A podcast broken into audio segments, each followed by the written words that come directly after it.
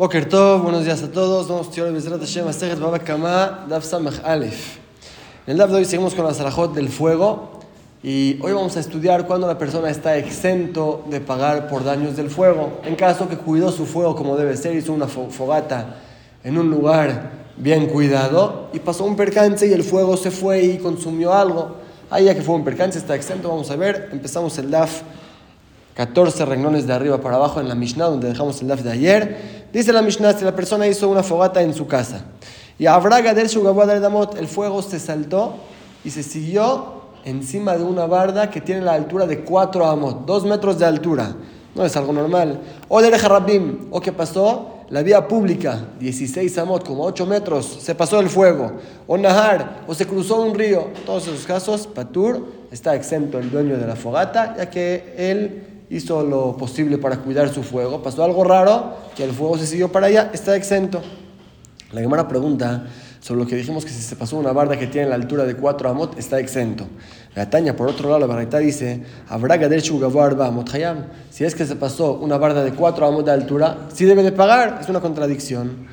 Contesta la Gemara, no hay una discusión, sino cada taná uno incluyó la barda de los cuatro y uno la excluyó, como ama Rapapa, explica Rapapa. Tana Didan Kahashim le mata, el Tana de la Mishnah, habla de arriba para abajo. Sheshamot, una barda de seis amot de altura, Patur, claro que está exento. Hameshamot, cinco amot, también Patur está exento. Adarba amot, Patur, también una barda de cuatro amot, también está exento. Si tiene la altura de cuatro amot, está exento. Tana Bará, pero el Tana de la Baraita habló al revés, mi le mata le mala Kahashim, está hablando de abajo para arriba. Amot, si es una barda chiquita de dos amot nada más. Hayab, si el fuego se lo pasó, eso no se llama un percance, eso puede pasar y debes de pagar. También Shalosh amot, si tiene tres amot de altura, también Hayab. Adar amot, hasta cuatro amot, no incluyendo cuatro amot, hasta cuatro amot, Hayab debe de pagar. Entonces no es una contradicción, en verdad, si es una barda de cuatro amot de altura, está exento. La Baraita habló solamente hasta los cuatro amot. Amarraba. Sigue Raba diciendo, dale da chambrú de patur, esta barda de cuatro amot que dijimos que si el fuego se pasó cuatro amot de altura está exento, a filubis de kotzim, aunque sea un campo de espinas, que podríamos decir espinas es mucho más fácil que se prenda, entonces aunque haya una barda de cuatro amot de altura, el fuego se va a pasar, no. Si hay una barda de cuatro amot de altura, no debe de pasarse el fuego para allá, y si se pasó es un percance y está exento. Amarra papá, pero explica Rapapá, umisfat kotzimu le mal de damot debe ser que la altura de cuatro amot no sea desde la tierra hasta donde acaba la barda, sino donde terminan las espinas. Cuatro amot de altura de donde está el fuego para arriba, no es de la tierra para arriba. Si las espinas son más altas que cuatro amot, ahí claro que no va a servir la barda. Son cuatro amot desde donde terminan las espinas hacia arriba. Rab ahora viene y trae un detalle que los de la. Todo lo que estamos hablando, que se pasó el fuego, estoy exento, es una fogata que va para arriba que ahí no debe de irse a los lados, y si se fue a los lados se cruzó una barda, un río, ahí está exento, es un percance. Pero si es una fogata que tiene maderitas al lado de ella, que va doblada para el lado y va consumiendo y consumiendo, aunque se vaya 100 amot, debe de pagar. Si pusiste una fogata que ves que se puede seguir extendiendo, ir hacia el lado porque tiene mucho combustible, claro que vas a tener que pagar. Así dijo Rab. Shmuel Amar, Shmuel dijo una culá al revés. Matnitin benichfefet. La Mishnah que dijo que solamente cuando pasó cuatro amos de altura está exento, es cuando el fuego va para el lado. Cuando prendes tu fogata, sabías que hay combustible que puede seguir caminando hacia el lado. Igual, si se pasó una altura de cuatro amos, estás exento. Abalbekolajat, pero si el fuego está hacia arriba, afilukol sheupatur, aunque sea una bardita chiquita que el fuego se lo pasó, también estás exento. Shmuel hace una culá más grande. Si es una fogata para arriba, no debe de pasarse a los lados. Ahí siempre vas a estar exento. Si es que está yendo al lado, ahí debe de, cruzar una barda de cuatro amot de altura. Discutieron Rab Shmuel, dice la Gemara de Rab, hay una berraita que apoya lo que dijo Rab. Todo lo que dijimos en la Mishnah que está exento. Si la fogata se pasó una barda de cuatro amot, solamente si la fogata está hacia arriba. Pero si está yendo al lado y tiene muchas maderitas que puede seguir prendiendo, al filo de mil hayab, aunque camine cien mil muchísimo, también, si tú sabías que puede el fuego seguir caminando para allá, debes de pagar. Habrá Nahar, pues si el fuego se cruzó un río, que un fuego no debe de cruzarse un río. O Shelulit, la Gemara va a explicar ahora qué es Shelulit. Shem Rehabim Hetamot, que tiene el ancho de, cinco, de 8 amot, Patur, ahí está exento, porque eso sí no debería tomar en cuenta.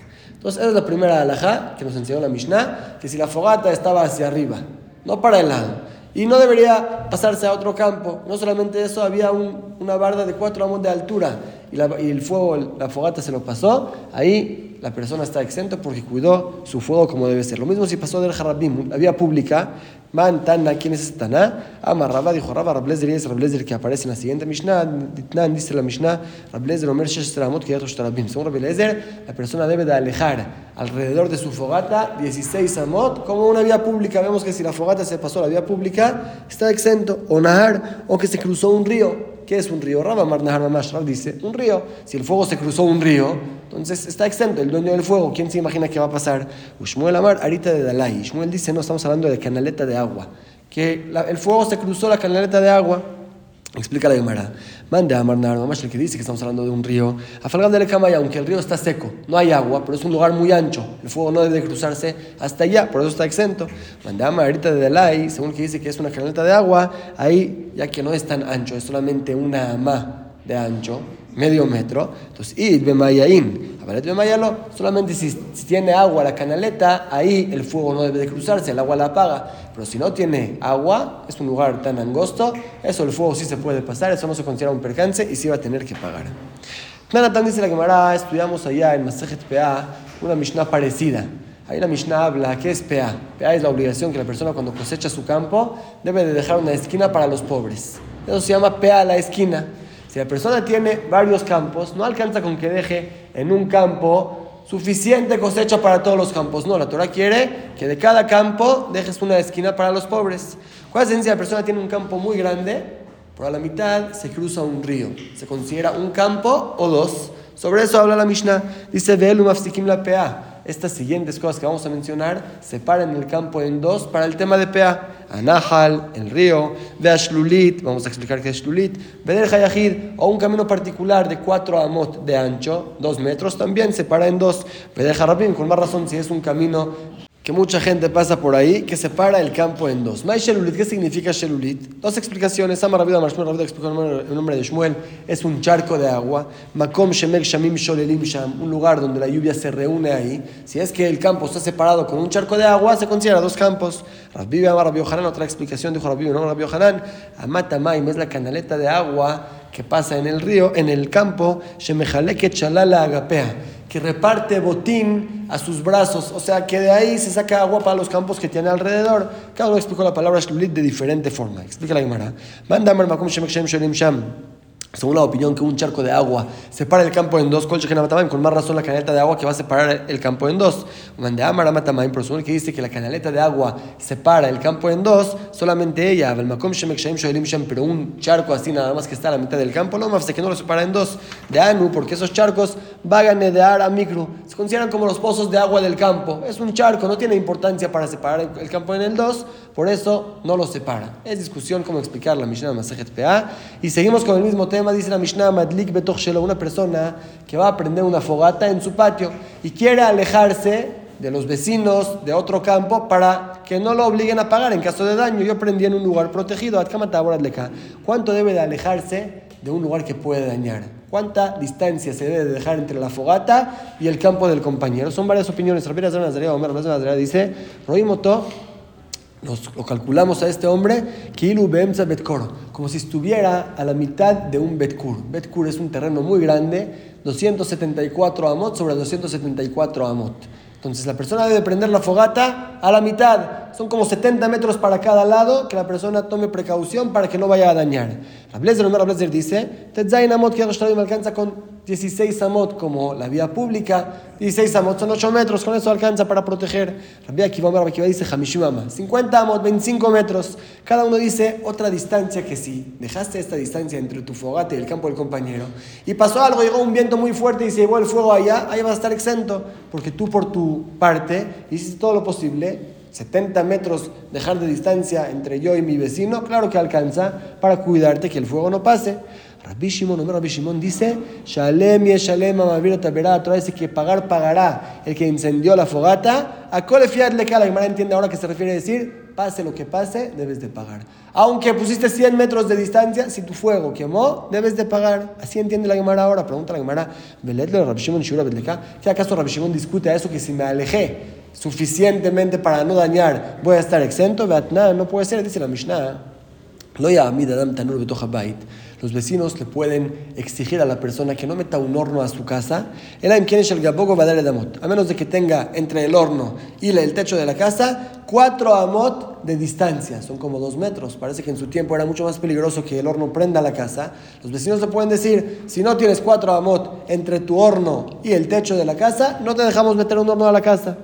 Ayama Amido Baalia, y si es que lo tenía en el segundo piso, entonces aparte de la distancia de hacia arriba con el techo, también por abajo, debe ser que el techo entre el primer piso y el segundo piso tenga el grosor de tres tefajim para que no se vaya a derretir o quemarse el piso si es muy delgado. Ubakirá, si no es un horno, si no es una kirá, es una estufa más chiquita, alcanza con un tefaj de grosor, con eso alcanza. Y en caso que dejó estas distancias, Dejó dos amot para arriba, cuatro amot para arriba y para abajo tres tefajim, todo bien. igual dañó su horno, me debe de pagar lo que dañó. Así opina Jajamim. Rabbi Shimon, no, Rabbi dice no. Lo la ¿Para qué te dijeron estas distancias que dejes? Como precaución, que también si dañaste vas a estar exento. Yo por mi parte hice lo necesario para que mi horno no dañe. Vemos que según Rabbi Shimon, si alejaste tu horno como debe ser, estás exento de pagar. ¿Por qué aquí dice en la Mishnah que si alejaste tu fogata a donde sea, igual debes de pagar? Contesta la Gemara, no. Amar Rabu explicó lo que se refirió Rabbi Shimon en la Mishnah no es de que siempre debes de pagar, sino a Kole Figobarleka, que todo depende de tu fogata. No puedes dar una distancia. 8 metros, 25 metros, depende de qué fogata es. Si es una fogatita chiquita, alcanza con 2 metros. Si es una fogata enorme, debes de dejar más espacio. Es lo que Rabbi Shimon se refirió. Se refirió a decir que no hay una medida exacta, sino cada lugar depende de su fogata. Ama Rabbi Yosef, Ama Rabbi Amar Shmuel, dijo Rabbi Yosef, Ama Rabbi Amar Shmuel, al que Rabbi Shimon, al que como Rabbi Shimon, Mejana Amar Nachman, Amar Shmuel, al que Shimon, al que como Rabbi Shimon, que no hay una distancia que siempre pareja para todas las fogatas, sino depende del tamaño de tu fogata. Si dejaste la, distancia necesaria, estás exento, y si no, vas a tener que pagar. Y pasamos a la última parte del DAF. Ya estudiamos esta discusión varias veces, la vamos a volver a repetir ahora en la Mishnah misma. La discusión entre Rabbi Uda y Jajamim, si se paga sobre algo tamun, algo cubierto. Si la persona quemó el campo del compañero y al final resultó que entre las espigas estaban escondidos diamantes y él no sabía, él quemó todo, ¿debe de pagar lo que está cubierto, lo que está escondido dentro de la cosecha o no? Es una discusión. Según la viuda se debe de pagar el campo completo con todo lo que había dentro. Según Jajamim no, todo, solamente lo que está visible se paga. Se veía un campo de trigo, paga un campo de trigo. Lo que está escondido no se debe de pagar. Así en general fue la discusión entre Rabbi y Jajam que estudiamos hasta hoy. Hoy vamos a ver más detalles cuando cada uno le reconoce al otro. Dice la Mishnah, Amadli que dicho uno que prendió el montículo de Jabayubo Kelim y habían adentro escondidos utensilios de Daljú y se quemaron. Rabbi Amén Shalom Shabatojo, según Rabbi se paga todo lo que había adentro. Jajam Morim, Jajam dice no, Eno Meshalem el Agadish legítimo el Tseorim. No debe de pagar más que un montículo de trigo o de cebada. Lo que quemaste, lo que era visible es lo que pagas. Lo que estaba escondido, estás exento. Segunda alhaja dice la Mishnah, Hayagdika futlo, debe si al lado del montículo había un borrego amarrado y un esclavo suelto, no estaba amarrado, estaba cerca al montículo. Benistráfimo, y tú quemaste el montículo y se quemó también el borrego y también el esclavo. Hayab, entonces debes de pagar el montículo, debes de pagar el borrego que no se podía escapar, estaba amarrado, cuando quemaste el montículo deberías tomar en cuenta que él también se va a quemar, lo debes de pagar, pero el esclavo estás exento, ¿por qué no se escapa el esclavo? Que se vaya, ¿quién le pidió quedarse ahí? El esclavo, estoy exento. Ebed Kafutlo, pero si fue al revés, el esclavo estaba amarrado al lado del montículo, Ugdisa Mujlo y el borrego estaba cerca al montículo, no amarrado, Benisráfimo, y cuando quemé el montículo se quemaron los tres, el montículo, el borrego y el esclavo, ahí Patur estoy exento de pagar, porque ya estudiamos varias veces la alajá, Kim le mine, si la persona hace una acción que que merece morir y también pagar, solamente lo matamos, no le cobramos también el pago, se le da un castigo, el castigo más fuerte. Ahí cuando quemaste el montículo sabiendo que hay un esclavo, ahí amarrado, sabes que se va a morir. Eso se llama que lo mataste, eres un asesino. Un asesino no se le cobra el pago, entonces por eso, si el Betín lo va a matar por asesinar, por matar y quemar a este esclavo, por el montículo y el borrego está exento de pagarlos. regresando a la primera discusión de la Mishnah, que según Jajamim, si quemé el campo del compañero, no debo de pagar todo lo que estaba escondido ahí. Dice la Mishnah, también Jajamim reconocen con Rabbi Yehuda, me madliketa virá, si la persona quemó la casa del compañero, ahí Shum Shalem con la debe de pagar todo lo que había adentro. Sheken, la porque todos saben que en la casa hay cosas. En el campo puedes decir, no me imaginé que escondiste diamantes en tu campo. Pero en la casa, todos saben que en la casa se dejan cosas. Cuando prendes la casa, pagas todo completo también según Jajamim. Y la Gemara trae lo que ama Ravkana. Ravkana quiere decir, Mahloket toda la discusión, que según Jajamim uno está exento de pagar lo que estaba escondido en el campo, es si yo prendí la fogata en mi casa, en mi patio, y fue la fogata, fue el fuego y quemó el campo del compañero. Ahí también debo de pagar porque fue negligencia mía, no cuidé mi fogata. Pero ahí es cuando Rabiuda me es que también ve, según Rabiuda debes de pagar también lo que estaba escondido. Pero Rabbanan Patria, Jaime te exentan. Pero si prendiste el campo del compañero, fuiste al campo del compañero y lo prendiste, me salen con según todos debes de pagar todo lo que había dentro del campo. Así que eso es decir Rabkana. Toda la discusión es cuando el fuego fue de mi casa a otro campo. Hay gente exenta, pero si prendiste el campo del compañero, pagas completo. Amarle Raba le preguntó a Rabba Rabkana y a Yahi, según tú, si es así. A Detane Seifa, en vez de que el final de la Mishnah me diga, Modim Jajamim la Rabiudá, Jaim le reconocen a Rabiudá, me que Tabirá, que si prendí la casa del compañero, Shem Shalem con que debo de pagar todo lo que hay adentro, Shoken de la como dijimos, porque todos saben que en la casa se dejan cosas. En vez de pasarme a otro caso de una casa, Lifluk velit medida, dime en el caso del campo una diferencia. gente exentan pagar lo que está escondido. Si prendiste en tu campo y el fuego fue y quemó el campo del compañero. Pero si prendiste el campo del compañero mismo, deberías pagar, según todos, todo lo que hay adentro. Según tu Rabkana, que en el mismo campo hay diferencia si el fuego fue o tú fuiste a quemarlo, que ahí también son gemas tener que pagar. ¿Para que la se pasó al caso de la casa? Que te hable en el caso del campo mismo y que te diga la diferencia, que si fuiste a quemarlo vas a pagar todo lo que estaba escondido adentro. Él amarraba, si le discute a Rabkana y dijo, petarte pliegue. Jajamim y discuten en dos casos. Discuten también el caso que yo prendí en mi casa la fogata y el fuego fue y consumió el campo del compañero. Ahí también discutieron. De Rabiuda Mejayev también Baesh. De Rabbanan sabe lo Mejayev. Según Rabiuda debes de pagar lo que está escondido y según Jajamim no. Y también discuten si yo fui a quemar el campo de mi compañero, que ahí sí es una categoría más fuerte. Ahí también, según Jajaim, voy a tener que pagar, pero depende de qué. Rabiuda, saber. Según Rabiuda hay que pagar todo lo que había adentro, aún la cartera del otro, los diamantes que dejó, que no se deja en un campo, también debes de pagar. De Rabbanan Sabre, sostiene no. Que Lim Shedar Kan Latmin Bagadish, cosas que es lógico dejar escondido en el montículo, que con morigimu klebacar, como los utensilios que se usaban para el arado, cosas que son del campo y estaban escondidos ahí, eso udem shalem, esto también son Jajam debes de pagar, que limshen derkan latmin bagadish no me shalem, pero algo que no es normal esconder en el montículo, tu cartera no se esconde ahí, eso no debes de pagar. Entonces discutieron Jajam y Rabbiuda en dos puntos.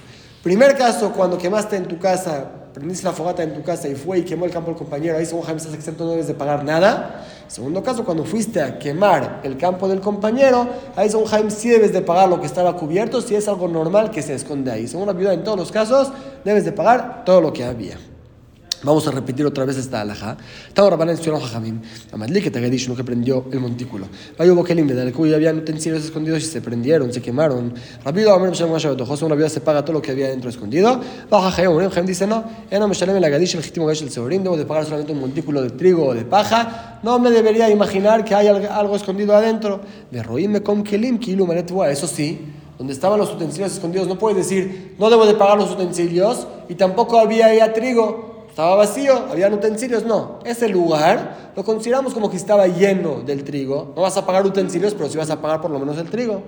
Sigue la verdad diciendo, ¿no es verdad que estamos hablando de Malik Si es que prendiste la fogata en tu casa y fue a prender el campo del compañero.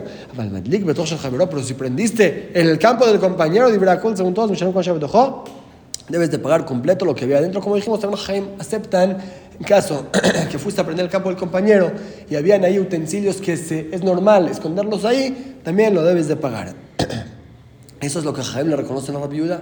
Por otro lado, modera Viuda la Jajamim. La Viuda reconoce a Jajamim que no se paga cuando está escondido algo. ¿En qué caso? Cuando yo le presté a mi amigo en mi campo lugar para poner su montículo de paja, le dije, sí, pon tu montículo de comida ahí.